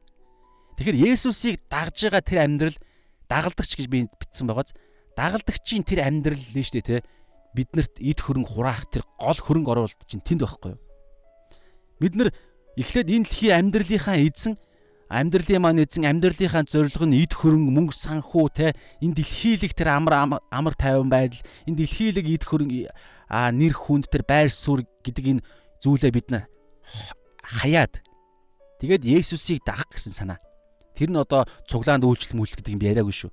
Амьдралаараа Есүс Христийг хэлсэн Есүс Христийн тэр хийж яаж амьдрсан тэр амьдралыг нь өөрийнхөө амьдралдаа хөрвүүлээ тэгж амьдрна гэсэн санаа. Тэгээд Есүс Христийн биднэрт хий үйлд гэсэн зүйлийг нь үйлдэж амьдан. Тэр нь одоо дараа нь удахгүй бид уншина. Тэгэхээр эн чинь өөрөө энэ нэг юм зориулт чинь өөрөө бид Матай энэ дэр хэлж байгаа. Матай 6-гийн 20 дээр хэлж байгаа эд баялгийг тэнгэрт хураа гэдэг энэ хураах гэдэг энэ үйлдэл ч өөрөө тэр байгаад байгаа байхгүй. Эд баялгийг тэнгэрт хураах гэдэг үйлдэл маань өөрөө эхлээд бид бидний зүрхийг эзэмдэж байгаа буруу зүйлсээ одоо маргааш нөгөөдөр бас маргааш бас хэдүүлээ үзнэ хоёр эзэн зэрэг үйлчлэхгүй байх талаар тэгэхээр тэр зүйлээ бид нэг зүйлээсээ салаад тэгээд өөр нэг зүйл буюу Есүс Христийн дагах амьдрал байгаа. Энэ Есүс Христийн дагах амьдрал маань өөрөө бидний одоо түрүүний яриад байгаа хөрөнгөний бизнесийн ойлголтоор бол ашигтай ашигтай 8-нд ашигтай бизнест хөрөнгө оруулж байгаа хэлбэр байхгүй юу. Тэгэхээр үнэхээр тэгээд түр хэлсэн шүү дээ мунхаг нэгнэ гэж тэр энэ дэлхийн хамгийн ашигтай бизнесмен тэр баян хүнд хэлж штэ. Мунхаг хүнэ гэж хэлж байгаа байхгүй юу. Энэ дэлхийн тэр мэрэгэн ухаан бурхны хувьд ийм мунхаг л байгаа даа. Яагаад вэ гэхээр орой нүхэж байгаа штэ. Орой нүхэж байгаа мдэггүй гол нь. Тэгээ орой нүхэхэж мэдхгүй гэдгээ хүн мэдчих хэрэгтэй байхгүй ядаж хизээ өгөхөө мэдэхгүй гэдгээ хүлээн зөвшөөрж байгаа хүн чинь мунхаг биш гэсэн үг. Гэтэл тэрийг ч боддггүй хүн чинь мунхаг мунхаг бас таарж байгаа. Мөнхөд амьдрах юм шиг өнөөдөр бизнесмен элдв алдар нэрийн төлөө ингээл те янз бүрийн улс төр мөс төр ингээл бизнесмен ингээл янз бүр юм хийж явж байгаа. Гэтэл жинхэнэ эрэл хайгуул хийх ёстой юм нь мөнхийн хувь тавилангийн талаархаа ойлголт. Тэгээ тэгэхээр тэрийг ойлгоно мэдээд тэрний төлөө яваад тэгээд тэрний асуулт хариулт эрэл хайгуул донд олддог зүйл нь юу вэ гэхээр Есүс байхгүй юу? Би бол зам үнэн ам. Гуй та тэгвэл та нарт өгдөн. Ирж хаа тэгвэл та нар олно. Тогш тэгвэл та нарт нээгдэн. Матай 7-г 7 дугаар ишлэлд байгаа шүү дээ. Тэгэхээр тэр нэг олдох юм чинь өөрөө Иохан 14-ийн 6 дээр байгаа зам үнэн ам чинь Есүс юу? Тэгэхээр Есүсийг Есүсийг тэгээд Есүсийн амьдралаа араас нь дагах энэ амьдрал чинь өөрөө хамгийн бодтой хөрөнгө оруулалт. Мөнхийн улсад мөнхөд амьдрах надад 40 жилийн хугацаа үлдсэн байх энэ дэлхий дээр. Магадгүй таа чинь би зүгээр дундаж насыг бурхан хэлсэн байгаа шүү дээ. Дундаж нас бол за 120 гэж ярьсан бас 70 гэж ярьж байгаа. Ер нь нэг 70-аас 100, 70-аас 100 орой хавцаа энэ дэлхийн хүн болгон тэгж л амьдрна. Тэгэхээр 120 гэж зүгээр мөрөөдлөө би 100-аар наслахгүй л дээ бид нар. Яагаад вэ гэхээр тэрний төлөө би өнөөдөр хөдөлмөрлөж юм хийгээгүй. Идэж уухтай өмсөж зөөх амарх мамархаа зохицуулж чадаагүй. Тийм учраас багал наслна гэсэн. Тэгэхээр тэгж наслаа гэхэд өөрөө цаана тэр мөнхийн тэр нэг гайхалтай зүйлийг тэр наслах хугацаанд тэр мөнхийн тэр гайхалтай зүйлийн төлөө өнөөдөр хөрөнгө оруулах тийм л зүйл яригдж байгаа ерөнхийдөө. Тэгэхээр Мата саяны 16 19 16-аас 22 дээр бол гол хэлсэн санаа те энэ дэлхийг чинь чамааг тэр шунал чамаар бид нарыг хаагаад байгаа халахлаад байгаа бидний мөнхийн хувь тавиланда тэр энэ дэлхий дээр нэг 40 жил амьдрах амьдрна. Тэрнийхээ 40 жилийн төлөө амьдрахад цаана 4000 жил биш, 4 сая жил биш, 4 тэрбум жил биш. Хязгааргүй шүү дээ. Тийм мөнх амьдрахад мөнхөд эдэлж хэрэглэх эд хөрөнгө яриад байгаа байхгүй юу? Дуусахгүй эд хөрөнгө. Тэгэхээр тийм эд хөрөнгийн эд хөрөнгийн төлөө 40 жилөө зарцуулна л гэсэн үг. Энэ бизнесийн ухаанаар ч гэсэн гайхалтай хөрөнгө оруулалт биш гэж юу? Тэгээд бас нэг гайхалтай зүйл нь ингэж зарцуулж явахдаа бид энэ дэлхий дээр бодиттой үр өгөөжөө идлээ шүү дээ. Өнгөрсөн өчигдөр бид нар зөвхт байдлыг үйлдэхэд юу гэлээ? Нууцсаар зөвхт байдлыг хийх үед бурхан маань нууцсаар хардаг бурхан маань бүх нууц хийгдсэн зүйлсийг олж илрүүлээд ямар ч бидний сайн үйл бурханы мэдлээс гадуур өнгөрөхгүй бүгдийг нь бурхан мэдж байгаа. Тэгээд шагнахтай openly буюу ил тодоор шагна гэж байгаа шүү дээ. Энэ дэлхий дээрээ шагна.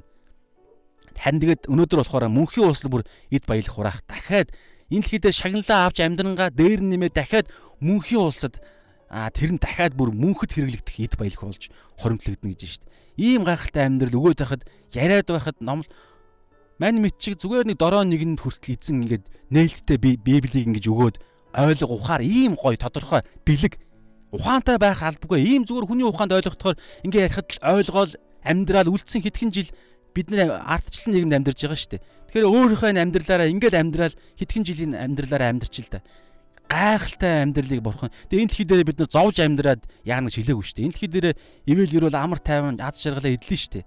Гэхдээ мэдээж хавчигдах үе байгаа. Хавчигдах тэр зүйл чинь хүртэл өөрөө жаргал гэж ерөөдөө байгаа шүү дээ.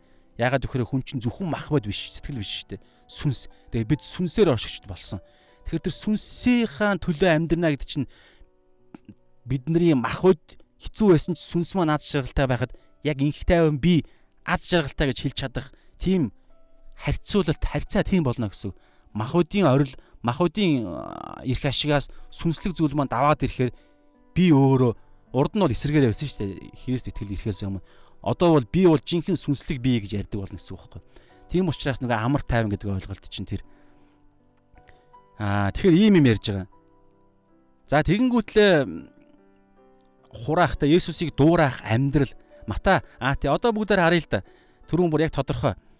Тэнгэрийн улсад тэгвэл мөнхийн улсад Тэнгэрийн улсад эд Есүсийг дагах амьдрал нь Есүсийн дагалдагч амьдрал нь Тэнгэрийн улсад эд хөрөнгө эд баялаг тэр шагналын амьдрал гэж яаж хэлэх гээд байгаа юм бэ? Яаж ойлгох юм бэ? Яг уу сая бол Матай 19-ийн 16-аас 20 дээр хэлсэн шүү. Дахиад би батлая. А Библиэлд байгааг нь Матай 16-гийн тэ Матай 19-ийн 16-аас 21 дээр хэлж байгаа те. Эд Тэнгэр тэгвэл чи тэнгэрт эрдэнэстэй болно. Үүний хийх хоёр юмных нь нэг нь эд баялгаа хөрөнгөө дэлхийлэг эд хөрөнгөө дэлхийлэг зүрхий чи эзэмдэж байгаа зүйлээ зараад ядуустуг. Энд чинь хүртэл сайн зөв төлөл болж байгаа зү. Энийгээ шагналаач аавна. Тухайн энэ дэлхий дээр амьдарч их та.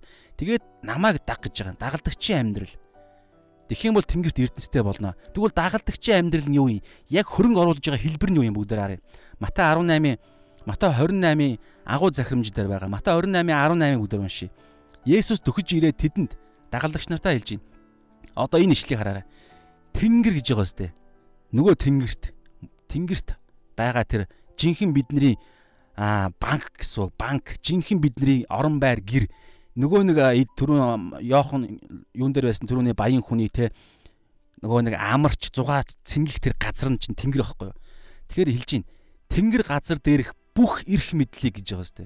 Надад өгсөн, Есүст өгсөн. Бүх эрх мэдэл дот чинь дотор чинь эд хөрөнгө орж байгаа. Эд хөрөнгө тэр байр суурь эрх мэдэл тэр хүч чадал бүх юм орж байгаа. Тэгэхээр тэнгэр газар дээрх бүх эрх мэдлийг надад өгсөн гэж байгаа сте. Нөгөө нэг бусдаар өөдүүлэгдэх хэв. Тэгэхээр өгс Есүс хин өгсөн юм? Бурхан аав нь өгсөн. Гурвлаар орчигч бурханы тэр төгс гайхалтай төлөвлөгөө чи энд хэрэгжээ дууссан Есүс. Тэгээ одоо бүх зүйлээ хийж дуусчаад тэгээ Есүсийн нэрнд тэр эрх мэдэл эд хөрөнгө бүх зүйл байгаа. Иймээс ийм гайхалтай ар тал, давуу тал хаантай хаантай болцсон учраас иймээс та нар яв. Яв гэдэг үг хардаа эрэл хайгуул хий, хүмүүсийн төлөө гар, хүмүүсүүд рүү оч, хүмүүсүүдээс асуу, тэ хүмүүсүүдэд гараа сунг, хайрынхаа тэрвэрлэлтэй дэлг яв бүх үндэстнийг дагалдуулах тун. За одоо эндээс хардаа бүх үндэстнийг гэж байгааз бүх дэлхийг эн чинь өөртөл зоригтой Христийн хоёр дахь ирэлтийн төлөө энэ бүх зүйлсийг дуусгахын төлөө бүх үндэстнийг дагалдуулах тун. Сайн мэдээ тараа гэж хэлээг байгааз дагалдуулалтын дотор ч угаасаа хамгийн ихнийхэн сайн мэдээ орно. Гэхдээ сайн мэдээ тараагаад болчдөг гэсэн юм угаасаа байхгүй. Баян хэлж байгаа шүү дээ. Бүх пасторууд маань Библи баян хэлж байгаа. Хаанчлалын зорилго бол дагалдуулалт юм а гэж хэлж байгаа. Тэгээд хардаа бүх үндэсний дагалдуулах тун эцэг хүү ариун сүнсний нэрээр тэдэнд баптизм хүртэ. Энэ эцэг хүү ариун сүнсэд чинь авралын төгс төлөвлөгөө. Библийн төгс уялдаа холбоо. Том нэгдсэн зураг гэсэн санаа байгаа шүү энэ цаана. Гаж тэгэхээр эндээс гаж урсгал үүсэх боломжгүй байхгүй юу?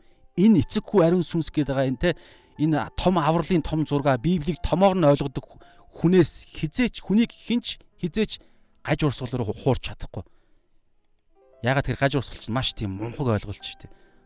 Тэгэхээр хардаа эцэг хүү ариун сүнсний нэрээр тэдэнд баптизм хүртээ. Та нарт Душаасан бүгдийг минь сахин биелүүлэхийг тэдэнд заа. Заах ойлголт те дагалдуулах тэдэнд заа. Есүсийн ярьсан бүгдийг, үйлдэлсэн бүгдийг тэдэнд бид заах үүрэгтэй байхгүй юу?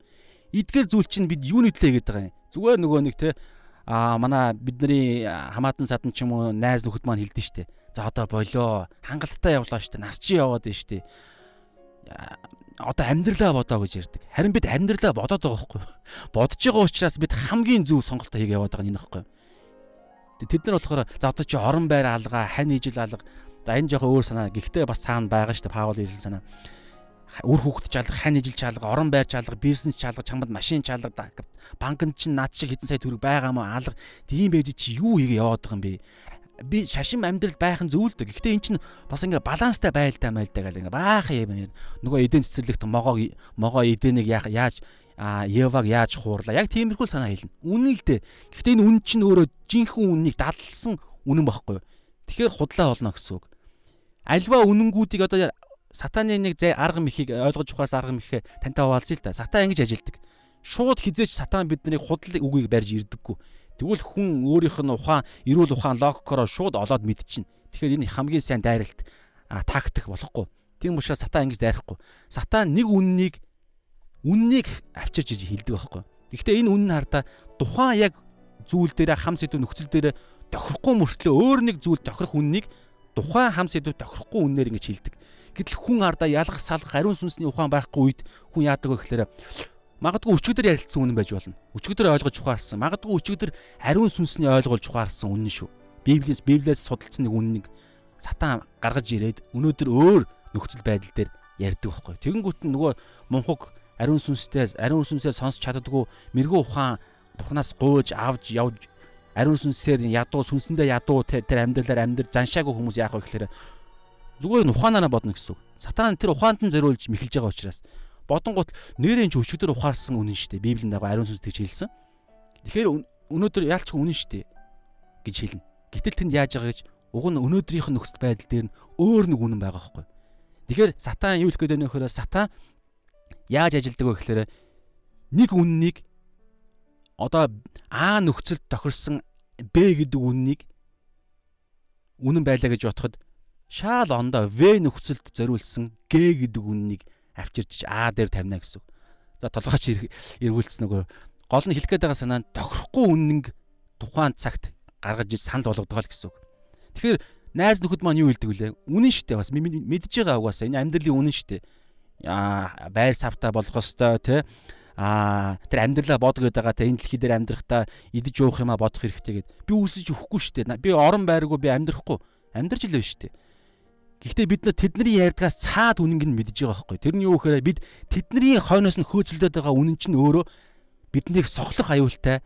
Тэгээ түрүүний ярьсан нөгөө шунал, элдвийн шунал чинь биднийг жинхэнэ үннээс холдуулах, сохлох аюултай гэдгийг бид мэдж байгаа учраас жинхэнэ гайхалтай хамгийн сайн аа хөрөнгө оруулах зүйлдээ бид хөрөнгө оруулж явж байгаа байхгүй. Тэр нь юу вэ гэхээр энд ярьж байна. А Есүсийг бид дагаад явж байгаа. Тэгээд та нар яв бүх үндэснийг дагалдуулах тун бид бусдыг дагалдуулахын тулд бид Есүсийг дагахад сураад явж байгаа нэгдүгээрт.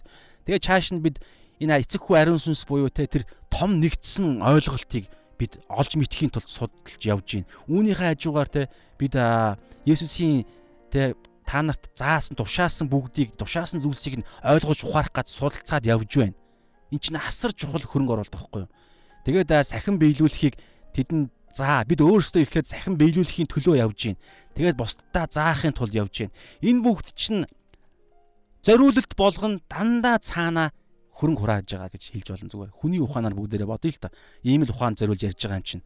Гэхдээ тэгээд гэхдээ Библиэлд одоо хүртэл Тэнгэрлэг Эрдэнэс хөрөнгө бол яг энэ юмаа гэж хэлсэн юм байгаа эсхийг та байгаа бол хуваалцаарай. Гэхдээ энэ дээр бол үргэлж Есүс би бол нууцлаг байна гэж би итгэж байгаа. Яагаад вэ гэхээр хүний оюун ухаан чинь дандаа нэг тийм ийм нэг юм баримт ярддаг те. Нэг нэг юм энэ бол тэнгэрлэг эд хөрөнгөө хилчгээр одоо түрүүн Эрдэнэс одоо энэ энэ дэлхийн Монголын эд хөрөнгө бол төгрөг шүү дээ төгрөг.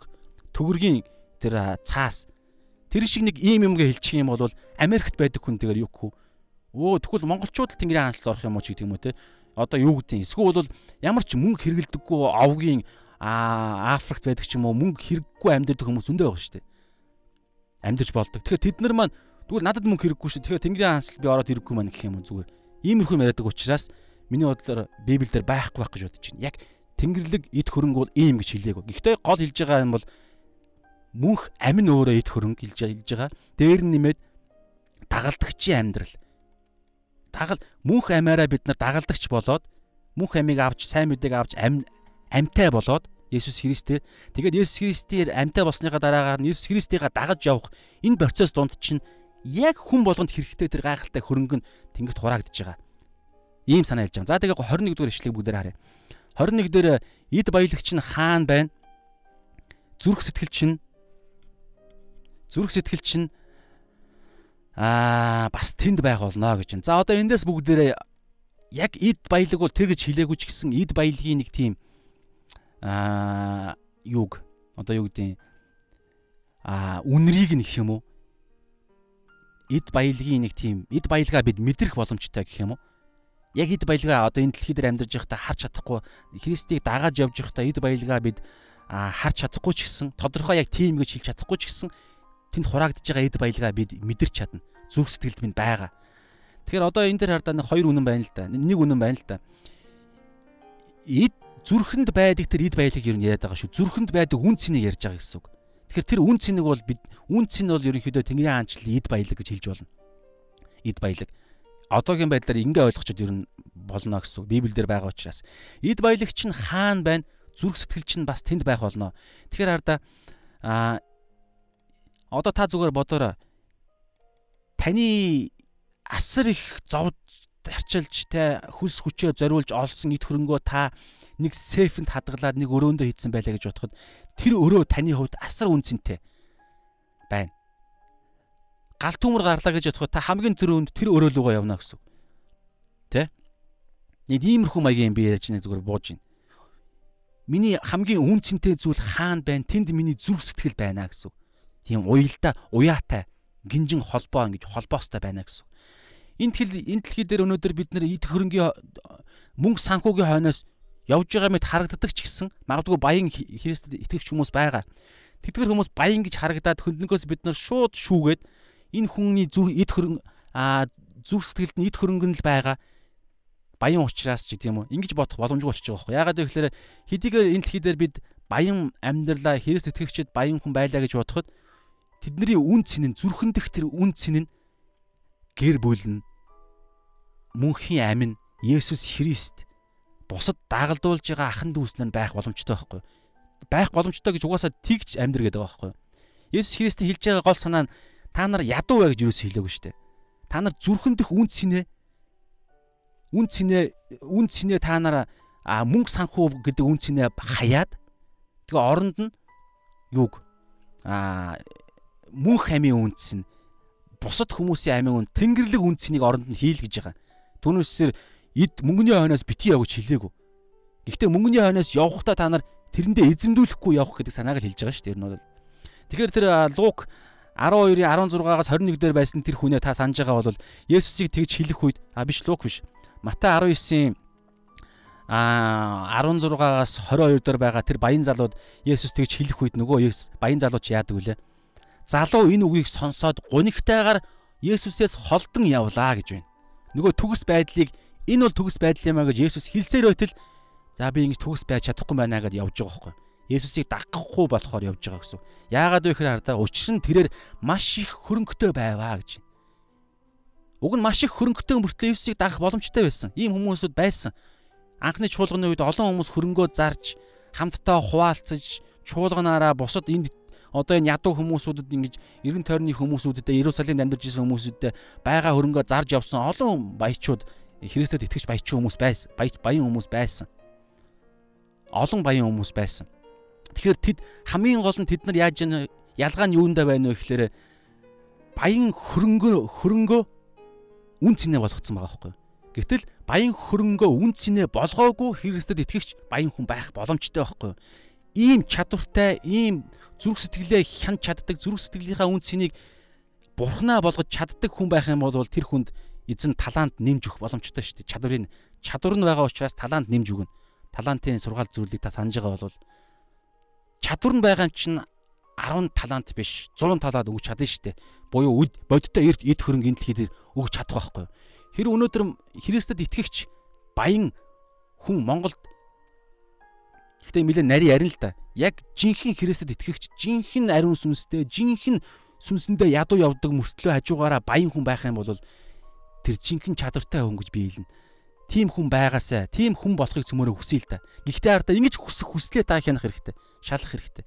Тэр хүсэл чинь эд хөрөнгөтэй болох дээр төвлөрч явал бурхан зүрхийг мэдж байгаа дээ. Бидний зүрх хорон муу үхлийн өвчтэй дээ.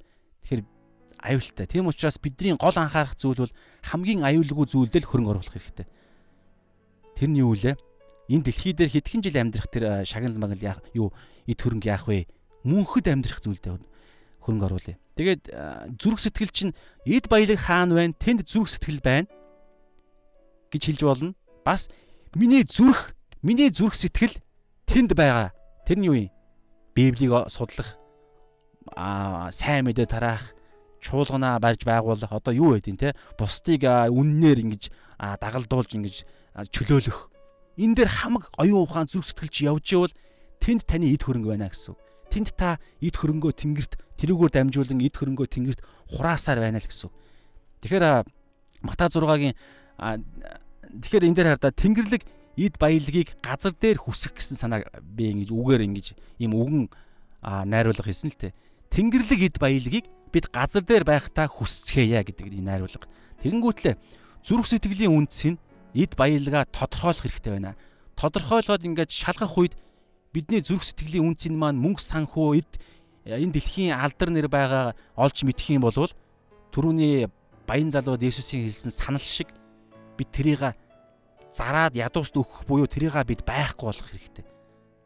Байхгүй болгоод оронд нь Есүсийг дагах буюу Тэнгэрийн хаанчлал одоо энэ дээр хараа зүрх сэтгэлээ Тэнгэрийн хаанчлал төвлөрүүл буюу Матай 6-гийн 6-гийн 33 дээр ингэж байгаа шүү дээ. Гагцгүй эхлээд Бурхны хаанчлал ба зөвхт байдлыг хайхтун. Тэгвэл бүхнийг та нарт нэмж өгөх болно. Энэ газар дээр ч нэмж өгнө. Эн чинь өөрөө ерөнхийдөө ямар том хам сэдв гэхээр удахгүй бид нар үзнэ.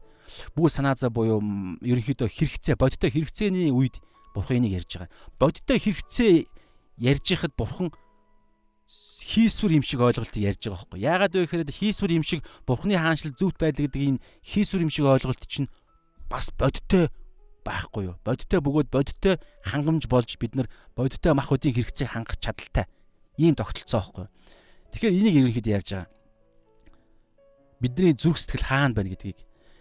Тэгэхээр өнөөдрийн маань Матай 6-гийн 19-оос 21 гэхдээ ингээд цөмөрө дүгэн дүгнж ярих юм бол Тэнгэр дэх эд баялаг баялгаа бид нар энэ дэлхий дээрээ шийднэ гэсэн үг. Тэнгэрт хэр их эд баялагтай байх уу, эд баялаг байх уугүй гэдгээ бид энд шийднэ гэсэн үг. За бүр чаашлах юм бол Тэнгэрийн улсад орох уугүйгээ ч гэсэн бид энэ дэлхий дээр шийднэ.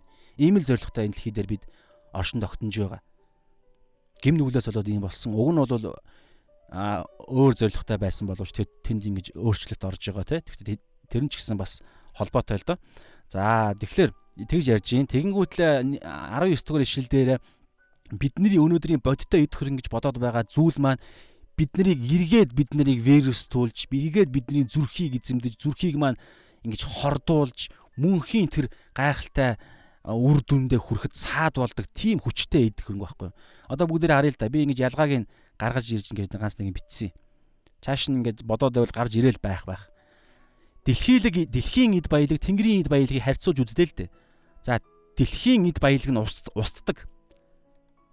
За дээр үед бол тухайн үед бол одоо айхтар нарийн те тэр хэвэн хорхоог устгадаг ийм спрей те ингээд цацдаг матдаг хорхоо хөөдөг юм байсангүй зэвээс арилгадаг зэв арилгадаг тосмос гэж магадгүй байгаагүй байх.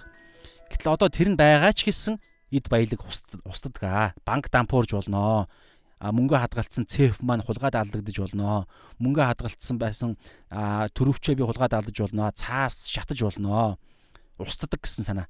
За бүр ингээд хамгийн найдвартай байсан ч гэсэн хэрэглээ нь хязгааргүй шуналтай байгаа учраас бид өөрсдөө үрж дүүд үрээд дуусгач моглоноо. Устдаг санаа ярьж байна. Харин мөнхийн Тэнгэрийн эд баялаг бол мөнхөд устдахгүй. Мөнхийн тэр хугацаанд хугацаа гэж байхгүй шүү дээ. Тэгэхээр тэр мөнхийн тэр нэг юм чанар байгаад байгаа байхгүй. Бид бүрэн ойлгох боломжгүй учраас та зүгээр төсөөлөөрэй. Нөгөө нэг юм би тэрийг ингэж үнэрийг нь мэдрээрээ. Алсаас мэдрээрээ. Гэсэн санаа. За тэгэнгүүтлээ дэлхийлэг эд баялаг үргэлддэг. За би түр хэлсэн юм байна те үргэлдэж ингэж дуусах зорилго дугаасаа дуусдаг. Надад сая төгрөг байхад би нэг юм авахд л 50 мянгаар юм авахд л 950 болоод 950 мянга болоод хуурчин. Үржих боломжгүй. Харин Тэнгэрийн баялаг үрждэг байхгүй юу? Яагаад гэлээ? Түрүү хэлсэн шүү дээ. Тэнгэрийн баялагийг олох гол зүйл чи юу гэлээ? Дагалдагчийн амьдрал. Агуу захирамж. Иймээс та нар явж бүх үндэснийг дагалдагч болгохдоо эцэг хүү ариун сүнсний нэрээр тэдэнд баптизм хүртээ Есүсийн заасан болгоныг заа. Яагаад энэ бүгд ингэж яриад байгаа гэхээр Тэнгэр газар дээрх бүх эрх мэдэл, эд хөрөнгө, нэр алдрыг Есүст бурхан өгсөн байхгүй юу? Орчлын ертөнцийг захирдаг бүтээгч бурхан Есүс өгсөн. Тэгэхээр Есүсийн сүнсийг тэгээд Есүсийн дотор Есүсийн зорилгыг тэгээд Есүсийн явсан замаар буюу Есүсийн хэрхэн яаж явсан тэр замаар үг үг сургаал үйлдэлийг нь дагаж ингэж явж байгаа. Энэ амьдралаараа бид нар яадаг вэ гэхээр хуримтлуулна дээр нэмээд бид алдахгүй харин ч үржүүлнэ. Бид яах вэ гэхээр өөр хин нэг нэг бас адилхан дагалдагч болгоно. Түрүү хэлсэн шүү дээ. Дагалдуулах тун дагалдагч бэлтэг гэсэн санаа. Тэгэхээр тэр дагалдагч маань өөрөө дахиад эрдэнсийг бий болгоно. Тэрний нөлөө хүртэл биднэрт байгаа байхгүй. Бид өөрсдөө хин нэг нэг ингэж ам бий болгож байгаа нь өөрөө нэг охин компани гэдэг шиг нэг тиймэрхүү санаа над зүгээр буугаад байна. Гэхдээ зүгээр яг сая л буулаа л да зүгээр. Гэхдээ ямар ч байсан тийм үрждэг, олширдаг гэсэн санаа өргөдөхгүй хамгийн гол нь.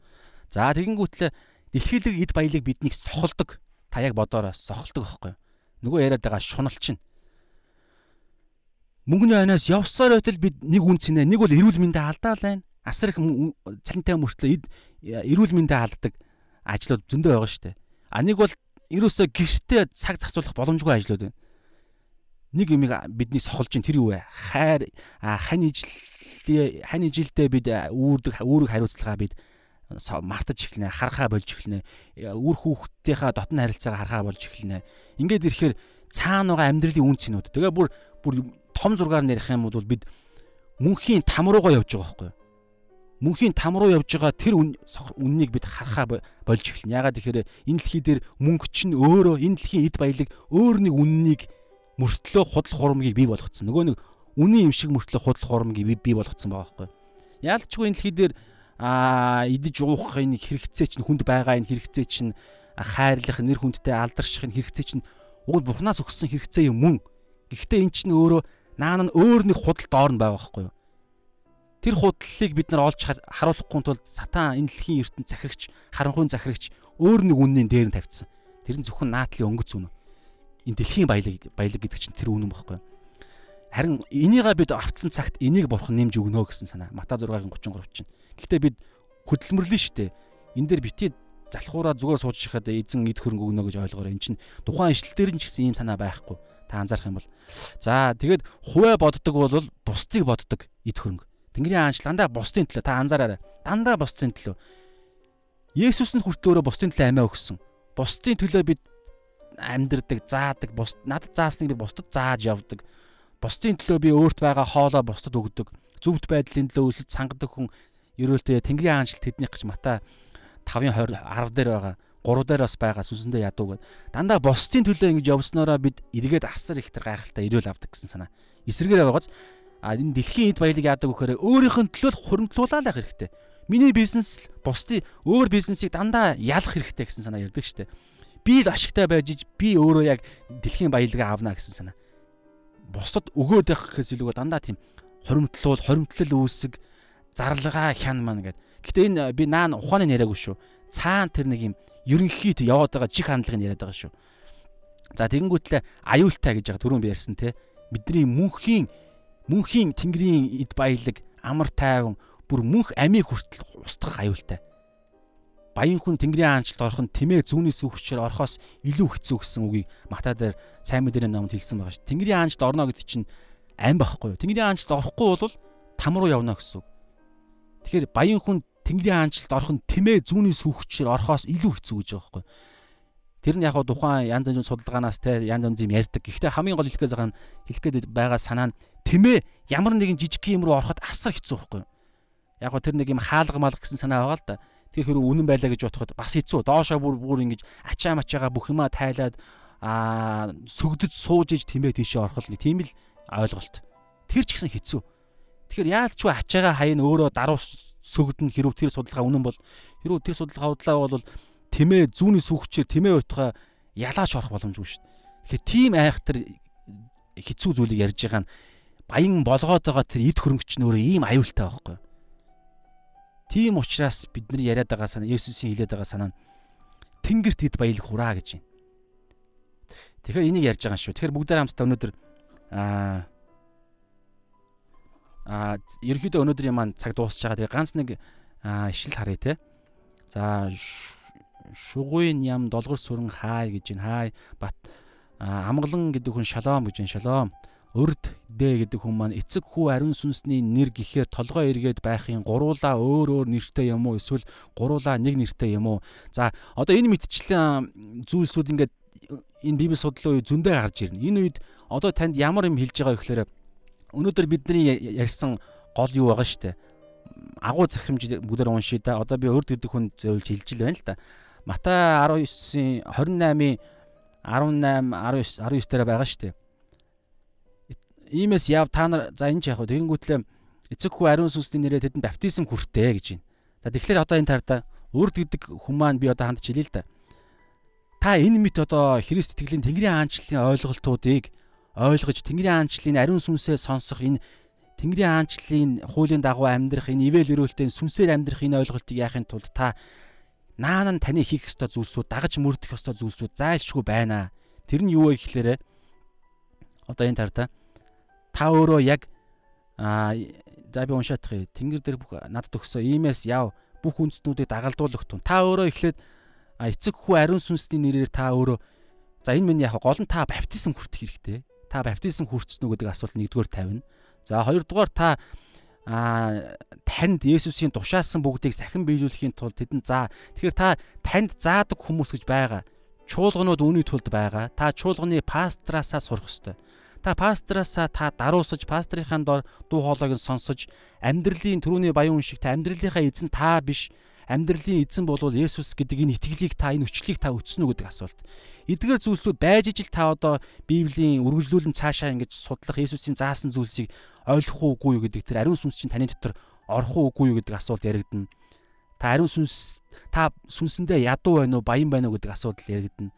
Тэгээ энэ зүйл дээр аа Тэ одоо биднэрт байгаа хамгийн гайхалтай аа эд баялаг гэж ярих юм бол хамгийн наадлын одоо яг бодиттой гарт баригдах эд баялаг гэж ярих юм бол Библи байхгүй юу? Библи. Тэгэхээр Библиэдээ та итгэхгүй гэдэг итгэхүүгүй юу гэдэг асуудал асуулт гарч ирнэ. Тэгэхээр итгэхээс өмнө та ихлэ Библийг яг зөв ойлгох уугүй юу гэдэг чинь хамгийн наан эхэлж тавих хэрэгтэй асуулт асуулт. Та эхлээд Библийн тухайн нэг ишлийн одоо жишээ нь өнөөдөр бол эцэг хүү ариун сүнс гэдэг энэ ойлголтыг та Библиэлд бичсэн байгааз та энэ Библийг итгэдэг юм уу гэдэг асуулт гарч ирнэ. Та Библиэд үнэхээр итгэдэг бол та энэ асуулт тавихгүй гэсэн үг байхгүй юу? Шууд эцэг хүү ариун сүнсний нэрээр аа эцэг хүү эцэг бурхан хүү бурхан ариун сүнс бурхан. Тэгээд та санаж байгаа бол аа Есүсийн баптизм хүрт өртөх үед тэнд гурвын тэр нэг юм үзэгдэл харагддаг штэ тэр хамт байгаа хэсэг. Ийдгээр ойлголтууд Библиэлд байсаар байтал та а энэ тал дээр танд ямар нэг итгэл үнэмшил одоо хүртэл тогтоогүй юу? Хэрвээ тогтоогүй бол та үнэхээр эхлээд итгэх итгэх сонголтоо гарах хэрэгтэй байна. Та баптизм хүртээд та Библи бол миний тэргүүн дээд эрх мэдэл гэдэг та итгэх хэрэгтэй. Энэ итгэл чинь өөрөө дараа дараагийн үннүүдийг хаалгуудыг нээх байхгүй юу? Тэгэхгүй зөвхөн оюун бодлороо ингээл те энэ дээр э, эцэг ардталт нь бурхан гэж байхгүй ш. Тэгэхээр чи энэ бурхан биш байхаа хүү гэж штэ. Тэгэхээр энэ хүүн яг Есүс гэж яаж хэлэх юм? Дасл байгаа юм чин даслын дараа дандаа томоор ичдэг үздэй мэсдэ ч гэдэг юм уу те. Ингээл ян зүрийн ингээл им таны тархичин төрүүлж ажиллаа л байх болно. Тэгэхээр эхэлж зүрх буюу итгэлчин сүнс чин ажилладаг байхын тулд та эхлээд бас чухал шийдвэрийг гаргах хэрэгтэй байна. Амьдралын мань эзэн бол Есүс юу ч болсон. Би өнөөдөр ядууч байсан Өнөөдөр би Библиэс юм ойлгохгүй байсан чинь Библи бол тэрхүүндээд эрх мэдэл гэдэгтээ та итгэх итгэл нь эхэлж байгаа юм уу? Тарих өөр зүйл ярьж байгаа ч гэсэн энэ яалтчгүй энэ Библи бол Бурхны үг. Би яг одоо ойлгохгүй байна. Энэ нь үр дүн би Библи бол худал гэхээс илүү би зүгээр мунхаг байна. Гэх мэтчлэн энэ таны энэ зүрх чинь ихлээр зөв талбар дээрээ байна уу? Зүрх чинь зөв болж ариун сүнсээрээ ингэж хөдөлж эхэлсэн үү? Дотор чи ариун сүнс орсон уу гэдэг дээрээ та асуулт тавиасаа гэж би хүсэж байна. За За тэгээд ганц хоёр ишлэл уншаад тэгээд дуусгая. Шугын ям долгор сүрэн гэдэг хүн арай л нуршаад юм шиг юм шиг арай л нуршаад байгаа юм биш үү? Нэг юмаа дахин дахин яриад гинэ. За тийм тийм харин тийм хэсэг байгаа. Тэгэхээр яг хуу одоо би нөгөө нэг та постны эхний хэсгийг та уншаарай анхааруулга гэдэг хэсгийг тэрийг та яг одоо уншаарай. Тэгэхээр тэрийг та уншаад ерөнхийдөө нэг чих хандлага авах уу гэж найдаж байна. А юу вэ гэхээр энэ маань хувь хүний яг тийм библи судлал а цаг байгаа. Яг номлол гэхээс илүүгээр тэгэхээр та энд нэгдэж болно, нэгдэхгүй байж болно. Нуршчвал та пауз дараа зогсоож болно. Таны сонголт би энд яг ариун сүнс надад өгдөж байгаа зүйлээр л би ярьж байгаа гэж итгэж байгаа. Тэгэхээр хувь хүний цагт та нэгдэж байгаа гэсэн үг шүү. Тэгэхээр та ойлгоорой. Гэхдээ би хичээн нуршихгүй байхын тулд ер нь дууссан гэ би хэлсэн шүү дээ тэр нь тий. Тэгэхээр та дууссан юм чинь дууссан ингээд зогсчих болно. Тэгэхээр одоо үргэлжлүүлж байгаа энэ цаг маань ерөнхийдөө чөлөөтэй миний а одоо харилцах цаг болж байна гэсэн үг. Ярилцлага асуулт хариулт. За. За тэгээд уушлаараа буруу зүйл хэлсэн бол өө зүгээр зүгээр. Юу шүү манайхаа энэ нэг зүгээр л юм. Жоохон жоохон ингээд ойлголцол ойлголцол явчих харилцааны асуудал шүү дээ тий. Тэгэхээр энэ дээр бол айхтар юм болох юм байхгүй шүү. Зүгээр санаа санаа зовлтгүй. Ингээ бид нар наан ер нь ер нь альва харилцаа ингэдэг л дээ. Наан бид ингээд тоглоомын дүрмээ ч юм уу те нэг ийм юм юмын дагуу ийм хүнтэй харилцаж байгаа шүү гэдгийг ойлгочхоор хүн оюун бодлоо ингээд зэгсэлцэж болдог байхгүй юу? Тий. Ер нь энэ цаана бас нарийн дүрм бас байгаа. Тэгэхээр тийм учраас би уг нь хилдэг юм аа наан хилээд эхлэх хэрэгтэй байсан. Өнөөдөр гэхдээ лайв болохоор та дундуур нь орж ирсэн байж магадгүй л дээ. За ерөнхийдөө өнөөдөр ингээд дууслаа. Тэгэхээр маргааш хүртэл баяртай. За тэгээд би нөгөө сая дахиад бас сануулах хэрэгтэй болж байгаа учраас дахиад сануулъя. За энэ одоо бүгдээрээ харъя.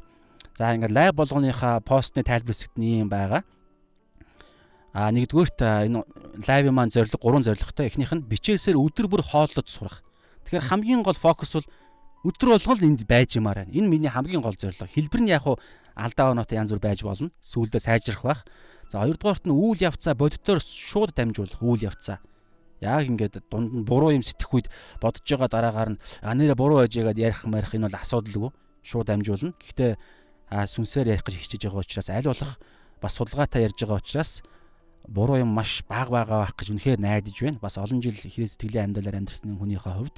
За тэгээ 3 дугаарт нь Библигүй үедээ ч гэсэн дахиж үзэх боломжтой хажуу талд нь текст байгаа.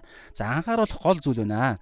Хэрв танд ойлгогдохгүй нэгдүгээрт нийцэхгүй байвал Тэ сонсохгүй байх сонголт үргэлж та байгаа шүү. Тийм учраас тэрэн дээр өөрийгөө битгий ягаарай, зоогоорой. Тэн дээр шууд тэ ингээ зогсож болно. Эсвэл өнгөрөөж жагаад эсвэл гүйлгэж болно шүү дээ энэ лаггой дахиж үздэг учраас. За тэгээд хоёрдугаарт нь энэ цаг нь хувь нэг итгэгч хүний л чимээгүй цаг судлал юм шүү. Тиймээс авах гэхийн ухаанаар хандаарай.